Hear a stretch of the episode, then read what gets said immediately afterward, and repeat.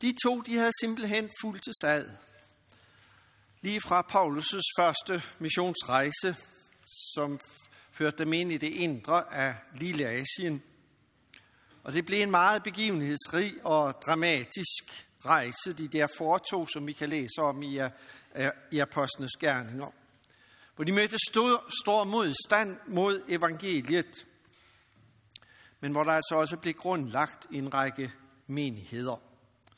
Og nu er situationen den, at Timotius er blevet menighedsleder i Efesos, som vi talte om, mens Paulus selv er i en situation, hvor han kun kan vente på at blive henrettet for, på grund af sin tjeneste for evangeliet. Og i den situation skriver han det her meget personlige brev til Timotius, som vi får lov til at læse med i. Paulus aflægger i det her brev sit eget personlige vidnesbyrd om, hvad det er, der har borget og stadig bærer ham i hans liv og hans tjeneste. Og han giver også udtryk for, hvad det er, der bekymrer ham. Denne her sidste hilsen fra Paulus' hånd skal råde bud på, hvad der nu mangler af kontakt, personlig kontakt mellem øh, Paulus og Timotius, som altså var tidligere rejsefælder og kollegaer i kampen for evangeliet. Paulus retter en indtrængende appel til Timotius om fortsat at stå i kampen og ikke skamme sig ved evangeliet, selv når det møder modstand og modsigelse.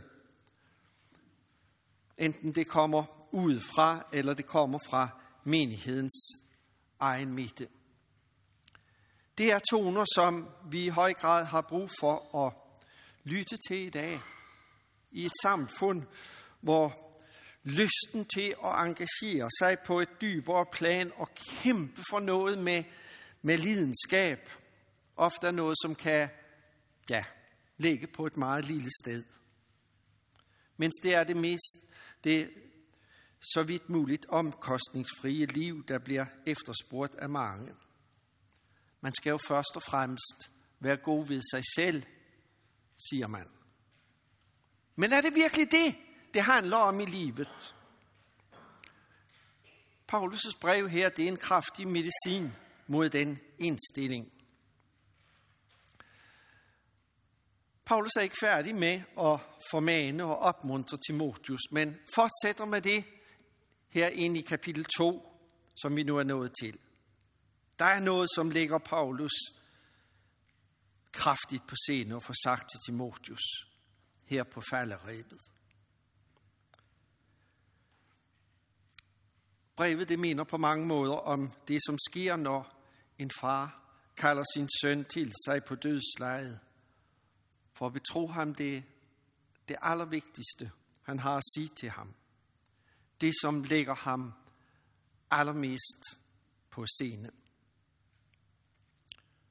Og nu læser vi videre her i kapitel 2. Og, og, og, og du, mit barn, vær stærk ved nåden i Kristus Jesus. Hvad du har hørt af mig i mange vidners nærværelse, skal du betro på lidelige mennesker, som vil være duelige til også at undervise andre. Altså, Paulus ved meget vel, at hans egen tid nu kan være meget kort. Men Paulus er optaget af, at løbet, det skal fortsætte. Også efter hans egen bortgang fra livet her og tjenesten. Og derfor så rækker han nu stafetten videre til Timotius, som er hans barn i troen og medstrider for evangeliet. Og meningen er, at Timotius efterfølgende skal række denne stafet videre til andre, som igen vil række den videre til andre, og så videre, og så videre. Så det bliver en lang, ubrudt række. Og når vi læser det i dag, jamen så kan vi se, hvordan evangeliet og tjenesten for det på den måde er blevet ragt fra generation til generation. Og det vigtige for os nu, det er at se os selv ind i rækken af dem, som har fået noget uendelig værdifuldt betroet, som vi må være med til at række videre til andre. Kun på den måde, så kan løbet fortsætte. Vi skal ikke bare holde det for os selv. Så vil løbet stoppe, og vi vil selv gå glip af tjenestens velsignelse. Paulus vil ikke foregøjle Timotius andet end, at det koster at stå i kampen for evangeliet og være sat i tjeneste for Jesus. Paulus har selv stået i den kamp, og han kalder Timotius til at gøre det. Med alt, hvad det indebærer af omkostninger, af både glæder og sorger i livet. Det er i kampen for evangeliet, at den dybe mening med livet ligger gemt. Derfor så er det også det, at den sande velsignelse ligger gemt til os. Ikke bare i det at leve for os selv. Men det er ikke altid et nemt liv. Det koster noget. Og der findes kun ét sted, og kun én mulighed for at hente styrke til at stå i den kamp for evangeliet. Og det er i evangeliet selv.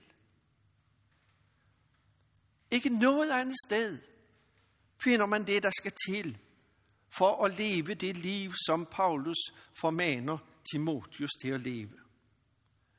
Formaningen over alle andre formaninger til Timotius, det er derfor, at Timotius skal være stærk ved nåden i Kristus Jesus. Det betyder, at kun i samme grad som evangeliet om Guds uforskyldte nåde i Kristus er levende for Timotius' eget hjerte, vil han også finde styrke til at stå i kampen for evangeliet. Den styrke skal ikke findes i alt muligt andet, som vi kan finde på at styrke os selv ved. Derfor så skal Timotius sørge for, at han også får, for sin egen del, for nåden i Kristus forkyndt for sit hjerte. Igen og igen. Så at han kan styrkes ved den. For kun ved selv at leve i evangeliets frihed, kan man tage kampen op mod de onde kræfter. Både dem, der kommer indefra og udefra, som vil modarbejde evangeliet. Paulus han samler nu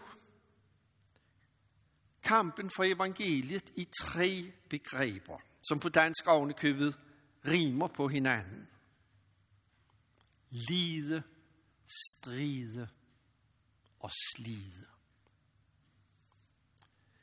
Det giver sammenlagt et ganske anderledes billede af livet som en Jesu disciple, end det som oftest bliver tegnet, når den kristne tro skal sælges til postmoderne livsnydere, hvor det jo endelig ikke må komme til at fremstå som for hårdt at være en kristen. Men det, som Paulus forkynder, det er en kristen realisme. At lide, stride og slide for evangeliet. Det er her udfordringerne, men også velsignelsen ligger gemt. Til hver af de her begreber knytter Paulus en illustration i form af tre forskellige professioner fra arbejdslivet dengang.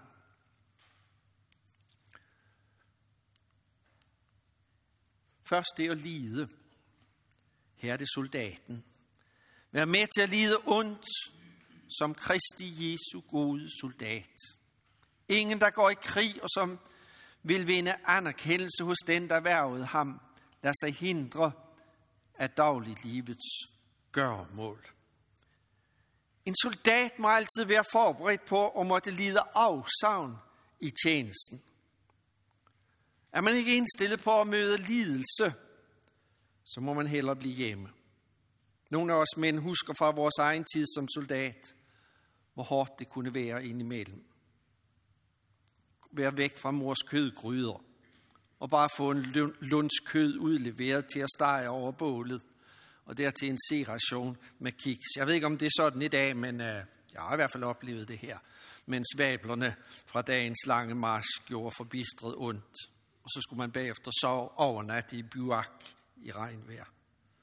Men vi vidste jo, at det her hørte soldaterlivet til. Og det var derfor, vi skulle trænes op på den måde.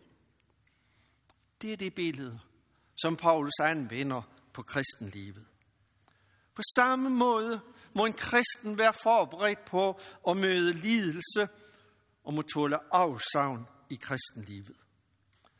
Sådan måtte vor Herre Jesus selv møde det. Og vi skal ikke undres over, at det går os på samme måde som ham, når vi vil træde i hans spor. Paulus oplevede det også i høj grad, og Timotius med. Paulus taler om ikke at lade sig hindre af dagliglivets gøremål. Og det er naturligvis ikke for at sige, at vi ikke må gøre andet i livet end det, som er direkte forbundet med tjenesten for evangeliet. Men det er en advarsel mod, at hverdagens ting bliver en hindring for os. At det ikke går hen og bliver det vigtigste for os. Så det stjæler fokus fra det, som er det allervigtigste. Selv de mest uskyldige ting kan gå hen og blive os en hindring i kampen for evangeliet. Hvis vi ikke er indstillet på at lide afsavn i forhold til noget. Det andet begreb, det er at stride. Og her er det idrætsmanden. Ingen idrætsmand vinder sejrskransen, hvis han ikke følger reglerne. Målbevidsthed og kampiver er det, som kendetegner en sand idrætsmand. Der må satses meget, ja, der må satses alt, hvis man vil gøre sig håb om at vinde sejrsprisen. Det kan vi se anskueligt gjort i cykelløb som Tour de France for eksempel. Det nytter ikke noget her med en halvhjertet indstilling. En cykelrytter må undervejs i turen gå op i de mindste detaljer og satse alt på at vinde løbet. Som Michael Rasmussen udtrykte det, da han kørte i sin tid. Hans strenge drøm, det var hans strenge drøm, han forfulgte hele vejen under løbet på vej op af bjergene. En idrætsmand må også kende og følge reglerne for kampen, som Paulus fremhæver det. Og en af reglerne er ganske simpelthen den, at man kan ikke få alt med. Der er noget, som man må afstå fra og nyde.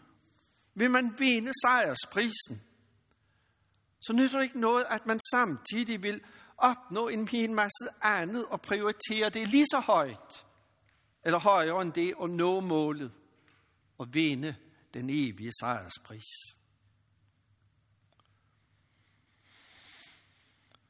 Vil vi som kristne nå i mål og vinde sejrsprisen? Og vil vi også få andre med os på vejen, kan vi ikke bare tage ganske let og afslappet på tingene og negligere de spilleregler, som Gud i sit ord har givet os for kampen?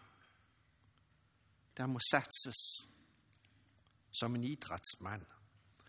Det tredje begreb, det er at slide, og her er det bunden. Den bonde, der har slidet, bør have først af høsten. Læg mærke til, hvad jeg siger – for Herren vil give dig indsigt i det alt sammen. Livet som bonde, det har altid været forbundet med hårdt slid. Hvis ikke bundmanden han gider tage del i arbejdet med at pløje og kultivere og tilså og lue og vande jorden, ja, så bliver der ingen høst. Så enkelt er det. Det ved bunden. Og det handler han efter. Det samme gør sig gældende i det åndelige liv. Der er et stykke arbejde, som skal gøres for evangeliet. Og vi skal ikke beklage os over det, eller unddrage os det slid, som det kan føre med sig. For det har rigt udbytte med sig. Ikke i form af måske umiddelbart succes og fremgang for os selv, men for Guds rige, for dets udbredelse og vækst. Paulus, han var selv sådan en slider, og han må stå som et forbillede for os. Er det så bare surt slid det hele? Nej, for netop her i, der ligger også velsignelsen gemt. At vi ikke bare lever for os selv, hvilket dybest set må opleves formålsløst, men at leve for ham, som har kaldet os ved evangeliet. I det følgende afsnit, der gør os det klart, at Paulus ikke kun er optaget af at sige til Timotheus, hvordan, hvordan Timotheus skal handle, og hvordan det skal være for ham. Sådan kan vi være gode til at vide helt klart, hvad andre de bør gøre. Men Paulus vidner nu om, at han selv har været og er helt og fuldt engageret i kampen for evangeliet. Han siger, Husk på Kristus Jesus, opstået fra de døde, af Davids slægt, ifølge mit evangelium. For det lider jeg ondt. Jeg er i lænker som en forbryder. Dog Guds ord er ikke bundet. Derfor udholder jeg alt for de udvalgte skyld, for at også de kan få frelsen ved Kristus Jesus med evig herlighed. Troværdigt er det ord. For er vi døde med ham, skal vi også leve med ham. Holder vi ud, skal vi også være konger med ham. Fornægter vi ham, vil han også fornægte os. Er vi utro, for bliver han dog tro. Til fornægte sig selv kan han ikke. Ja, tjenesten har påført Paulus lidelser og lænker. Ja, nu bliver han behandlet som en gemen forbryder. Fra en side set, så ville han uden tvivl gerne have været disse sine hans lænker foruden. Men samtidig så ved han, at det er for evangeliets skyld, og dermed for hans kristne brødre og søsters skyld, for de udvalgte skyld, som han siger, at han nu må udholde det alt sammen. Og det giver et forunderligt perspektiv ind over det hele. En kristen har det forunderlige perspektiv ind over sit liv, at vi deler kår med Kristus i alt. Og med ham er vi på vej gennem døden til livet. Fremtidsperspektivet for os er, at vi skal være konger med ham. Fornægter vi ham, og det er vilkår, han har givet os at leve under i denne verden, og derfor i stedet bevidst vælger at være ham utro,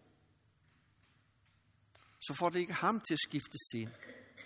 Han forbliver den, han er. Men vi vil gå glip af fællesskabet med ham. Sådan må vi forstå de her lidt, lidt vanskelige vers. De handler om de herlige fremtidsudsigter, vi har som Guds børn. Hvis vi trofast vil holde ud med Kristus. Men det handler altså også om den forfærdelige mulighed, at vi kan vælge at fornægte Kristus.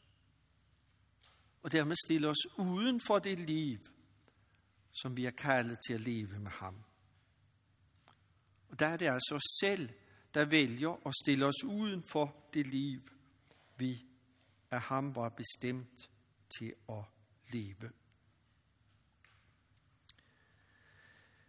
I det sidste afsnit i kapitel 2, der går Paulus der går Paulus' tanker på en ganske særlig måde til Timotius. I den menighedssituation, som Timotius står i i Efesos. For det er jo her, at Timotius som leder for menigheden skal, skal stå i kampen for evangeliet.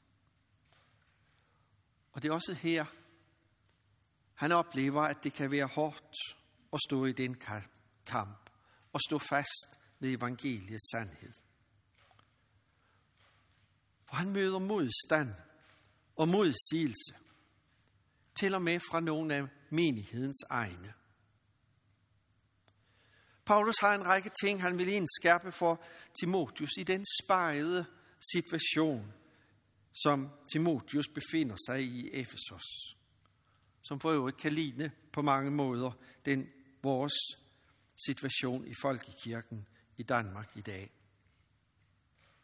Jeg vil udskille fire hovedpunkter, som vi skal, vi skal høre og tage til hjerte i vores situation også. Det første det er, nogen er kommet bort fra sandheden og nedbryder troen hos andre.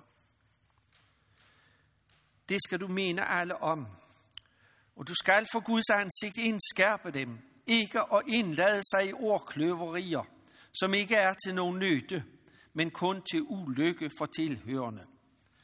Stræb efter at stå din prøve for Gud, som en arbejder, der ikke behøver skamme sig, men som går lige på med sandhedens ord.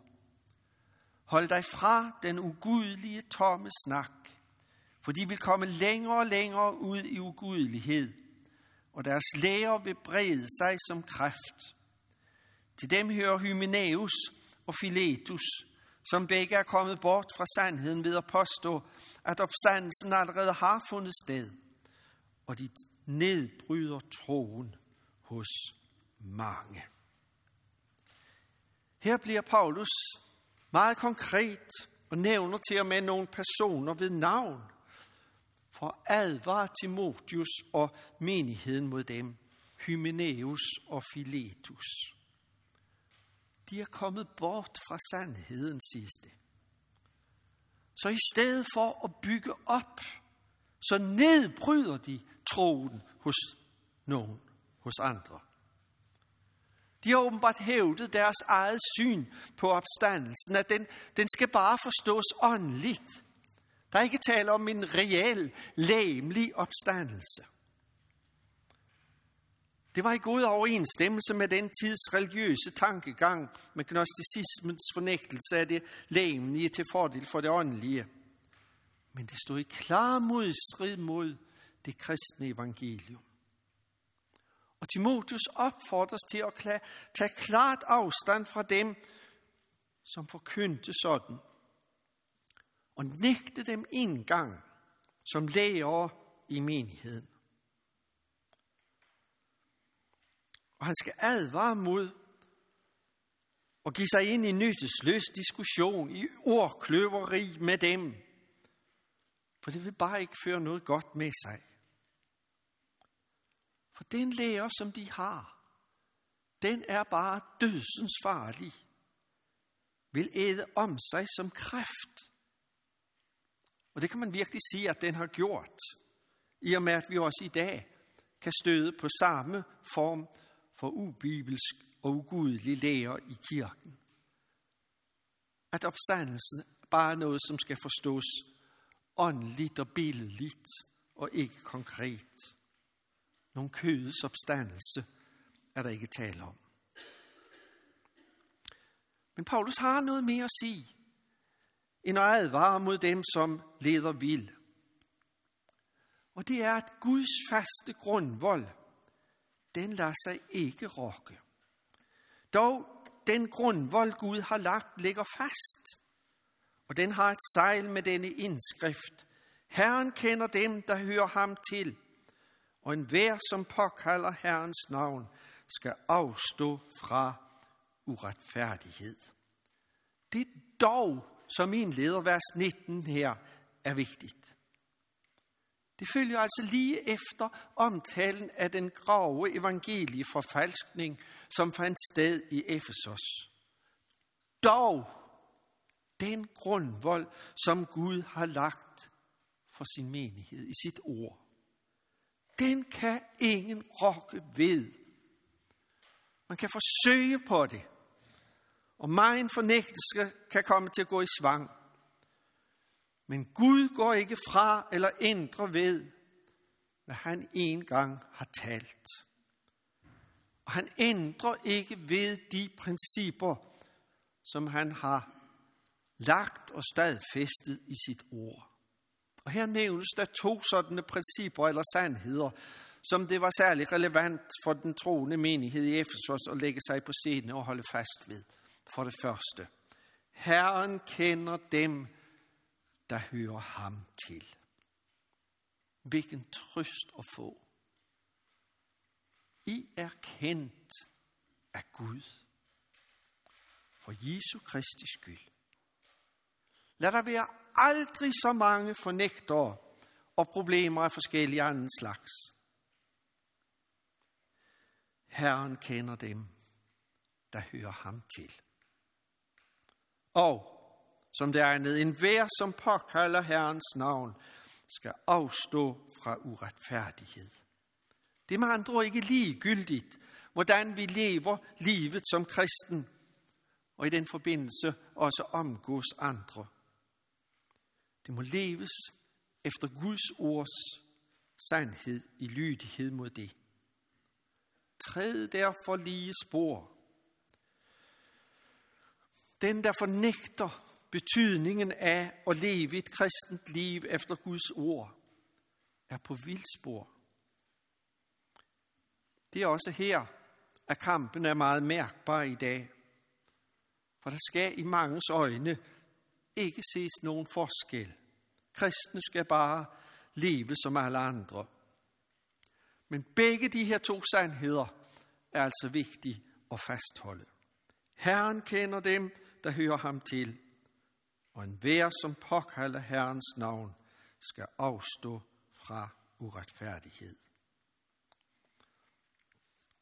Og som det tredje, en menighed vil altid være et blandet hus. I et stort hus er der ikke kun redskaber af guld og sølv, men også af træ og lær. Og den ene slags er til fint brug, den anden slags til dagligt brug. Den, der holder sig fri af det, som jeg her har talt om, bliver et redskab til fint brug, helliget, nyttigt for husets herre, anvendeligt til alt godt arbejde. Den her drøm om den rene, perfekte menighed er noget, som ligger os alle sammen meget nær. Og når vi møder noget andet i den broede virkelighed, som udgør vores egen kirke og vores egen menigheds kristne fællesskab, jamen så kan vi fristes til at ville opgive det hele.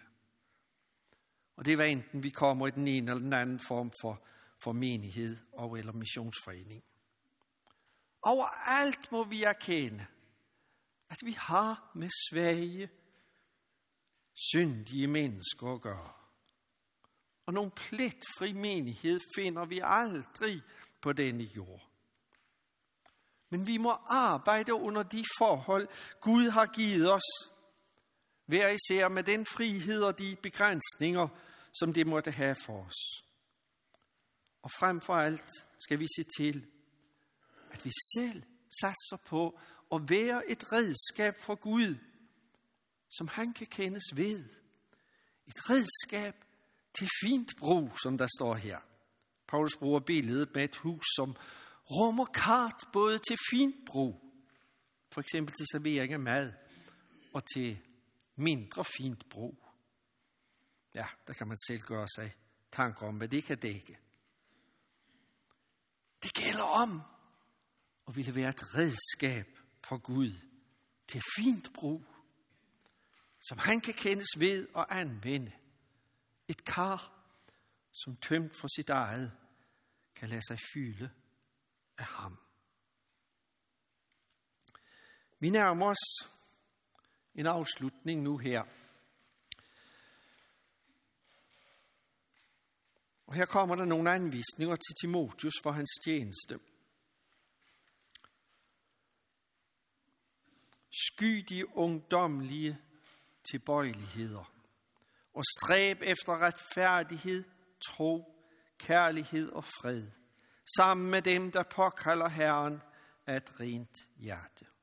Hold dig fra de to bliver hissige diskussioner. Du ved, at de kun fører til stridigheder. Og en herrens tjener skal ikke strides med nogen. Han skal være venlig mod alle, være en god lærer og finde sig i ondt. Man kan så let blive ensidigt fokuseret på, hvad alle andre de bør gøre, men ikke gør. Så man glemmer at se på sig selv og prøve sin egen tjeneste. Men Paulus vil få Timotius til først og fremmest at lægge vægt på selv og leve og tjene sådan, at der ikke skal være noget i hans liv, som han skal behøve at skamme sig over, og som dermed kan bringe skam også over evangeliet. Det at kaste sig ud i en masse diskussioner til højre og venstre, det synes at høre til det, som Paulus kalder ungdomlige tilbøjeligheder, som han opfordrer Timotius til at vende sig bort fra, for i stedet at leve og satse på retfærdighed, tro, kærlighed og fred. Fire vigtige begreber, som hver for sig kunne behøve lang tid øh, til overvejelse. Det betyder ikke, at der ikke er noget, der skal siges fra overfor. Det har tydeligt fremgået af det, som Paulus har skrevet til Timotius. Det var nødvendigt i Efesos, i menigheden der. Men det er altså også vigtigt, hvordan det bliver gjort. At det sker i den rette ånd. Ikke i stridsløst, hvor striden og diskussionen går hen og bliver et mål i sig selv. Timotius skal frem for alt have som mål for det, han siger og gør.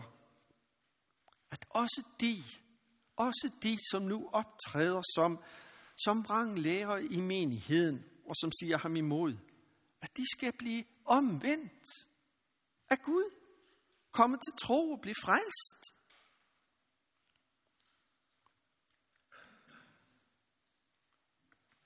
Han skal med mildhed i rette sætte dem, der siger imod. Om dog Gud vil få dem til at omvende sig, så de kommer til erkendelse af sandheden, og igen besinder sig og slipper ud af den fælde, hvor de holdes fanget af djævlen, så de må gøre hans vilje. Jo, for selv den værste vranglærer har jo også en dyrkøbt sjæl.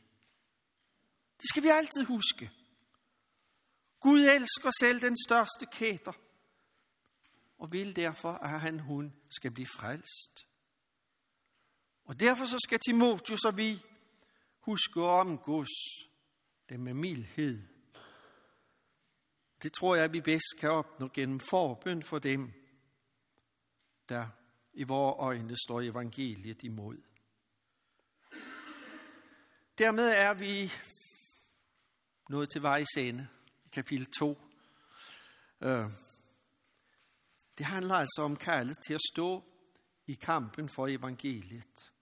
At lide, stride og slide for evangeliet. Men det understreger også, at vi altså ikke står der alene. En enkelt sætning, som vi nok læste, men ikke kommenterede, er den, der vi har i vers 8, hvor der står, Husk på Kristus Jesus, opstået fra de døde af Davids slægt. Midt i alt, husk på ham. Ha' ham i tanke. Lad dine tanker leve hos ham og lad det fylde dit sind. Lad os bede. Ja, kære Gud og far i himlen, vi takker dig for de formaninger, som du gennem Paulus også retter til os her i dag. Om at være stærk ved nåden i Kristus Jesus. Herre, bevar du os fra at ville finde vores styrke i andre ting end i ham. Men vi beder om, at han mindet om ham må leve i vores hjerter.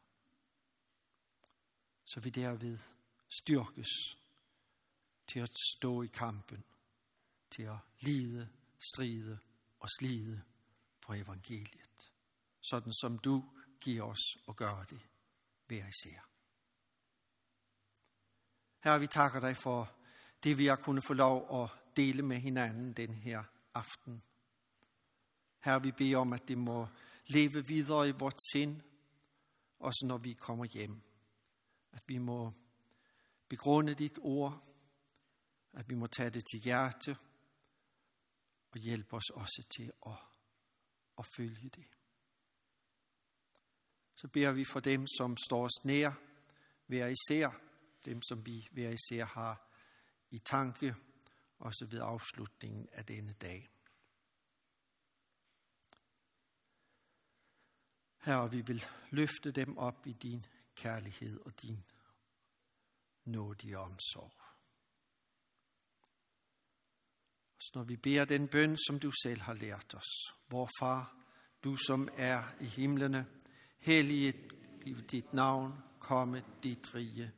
Ske din vilje som i himlen, således også på jorden. Giv os i dag vores daglige brød, og forlad os vores skyld, som også vi forlader vores skyldnere. Og led os ikke ind i fristelse, men fri os fra det onde. For dit er riget og magten og æren i evighed. Amen. Og så ses vi om Gud vil igen næste tirsdag, og kunne I få stunder til at læse kapitel 3 og 4, inden vi mødes igen, så tror jeg, det kunne være kunne være en god forberedelse til det, vi der skal være sammen om. Men jeg siger for min del tak for i aften.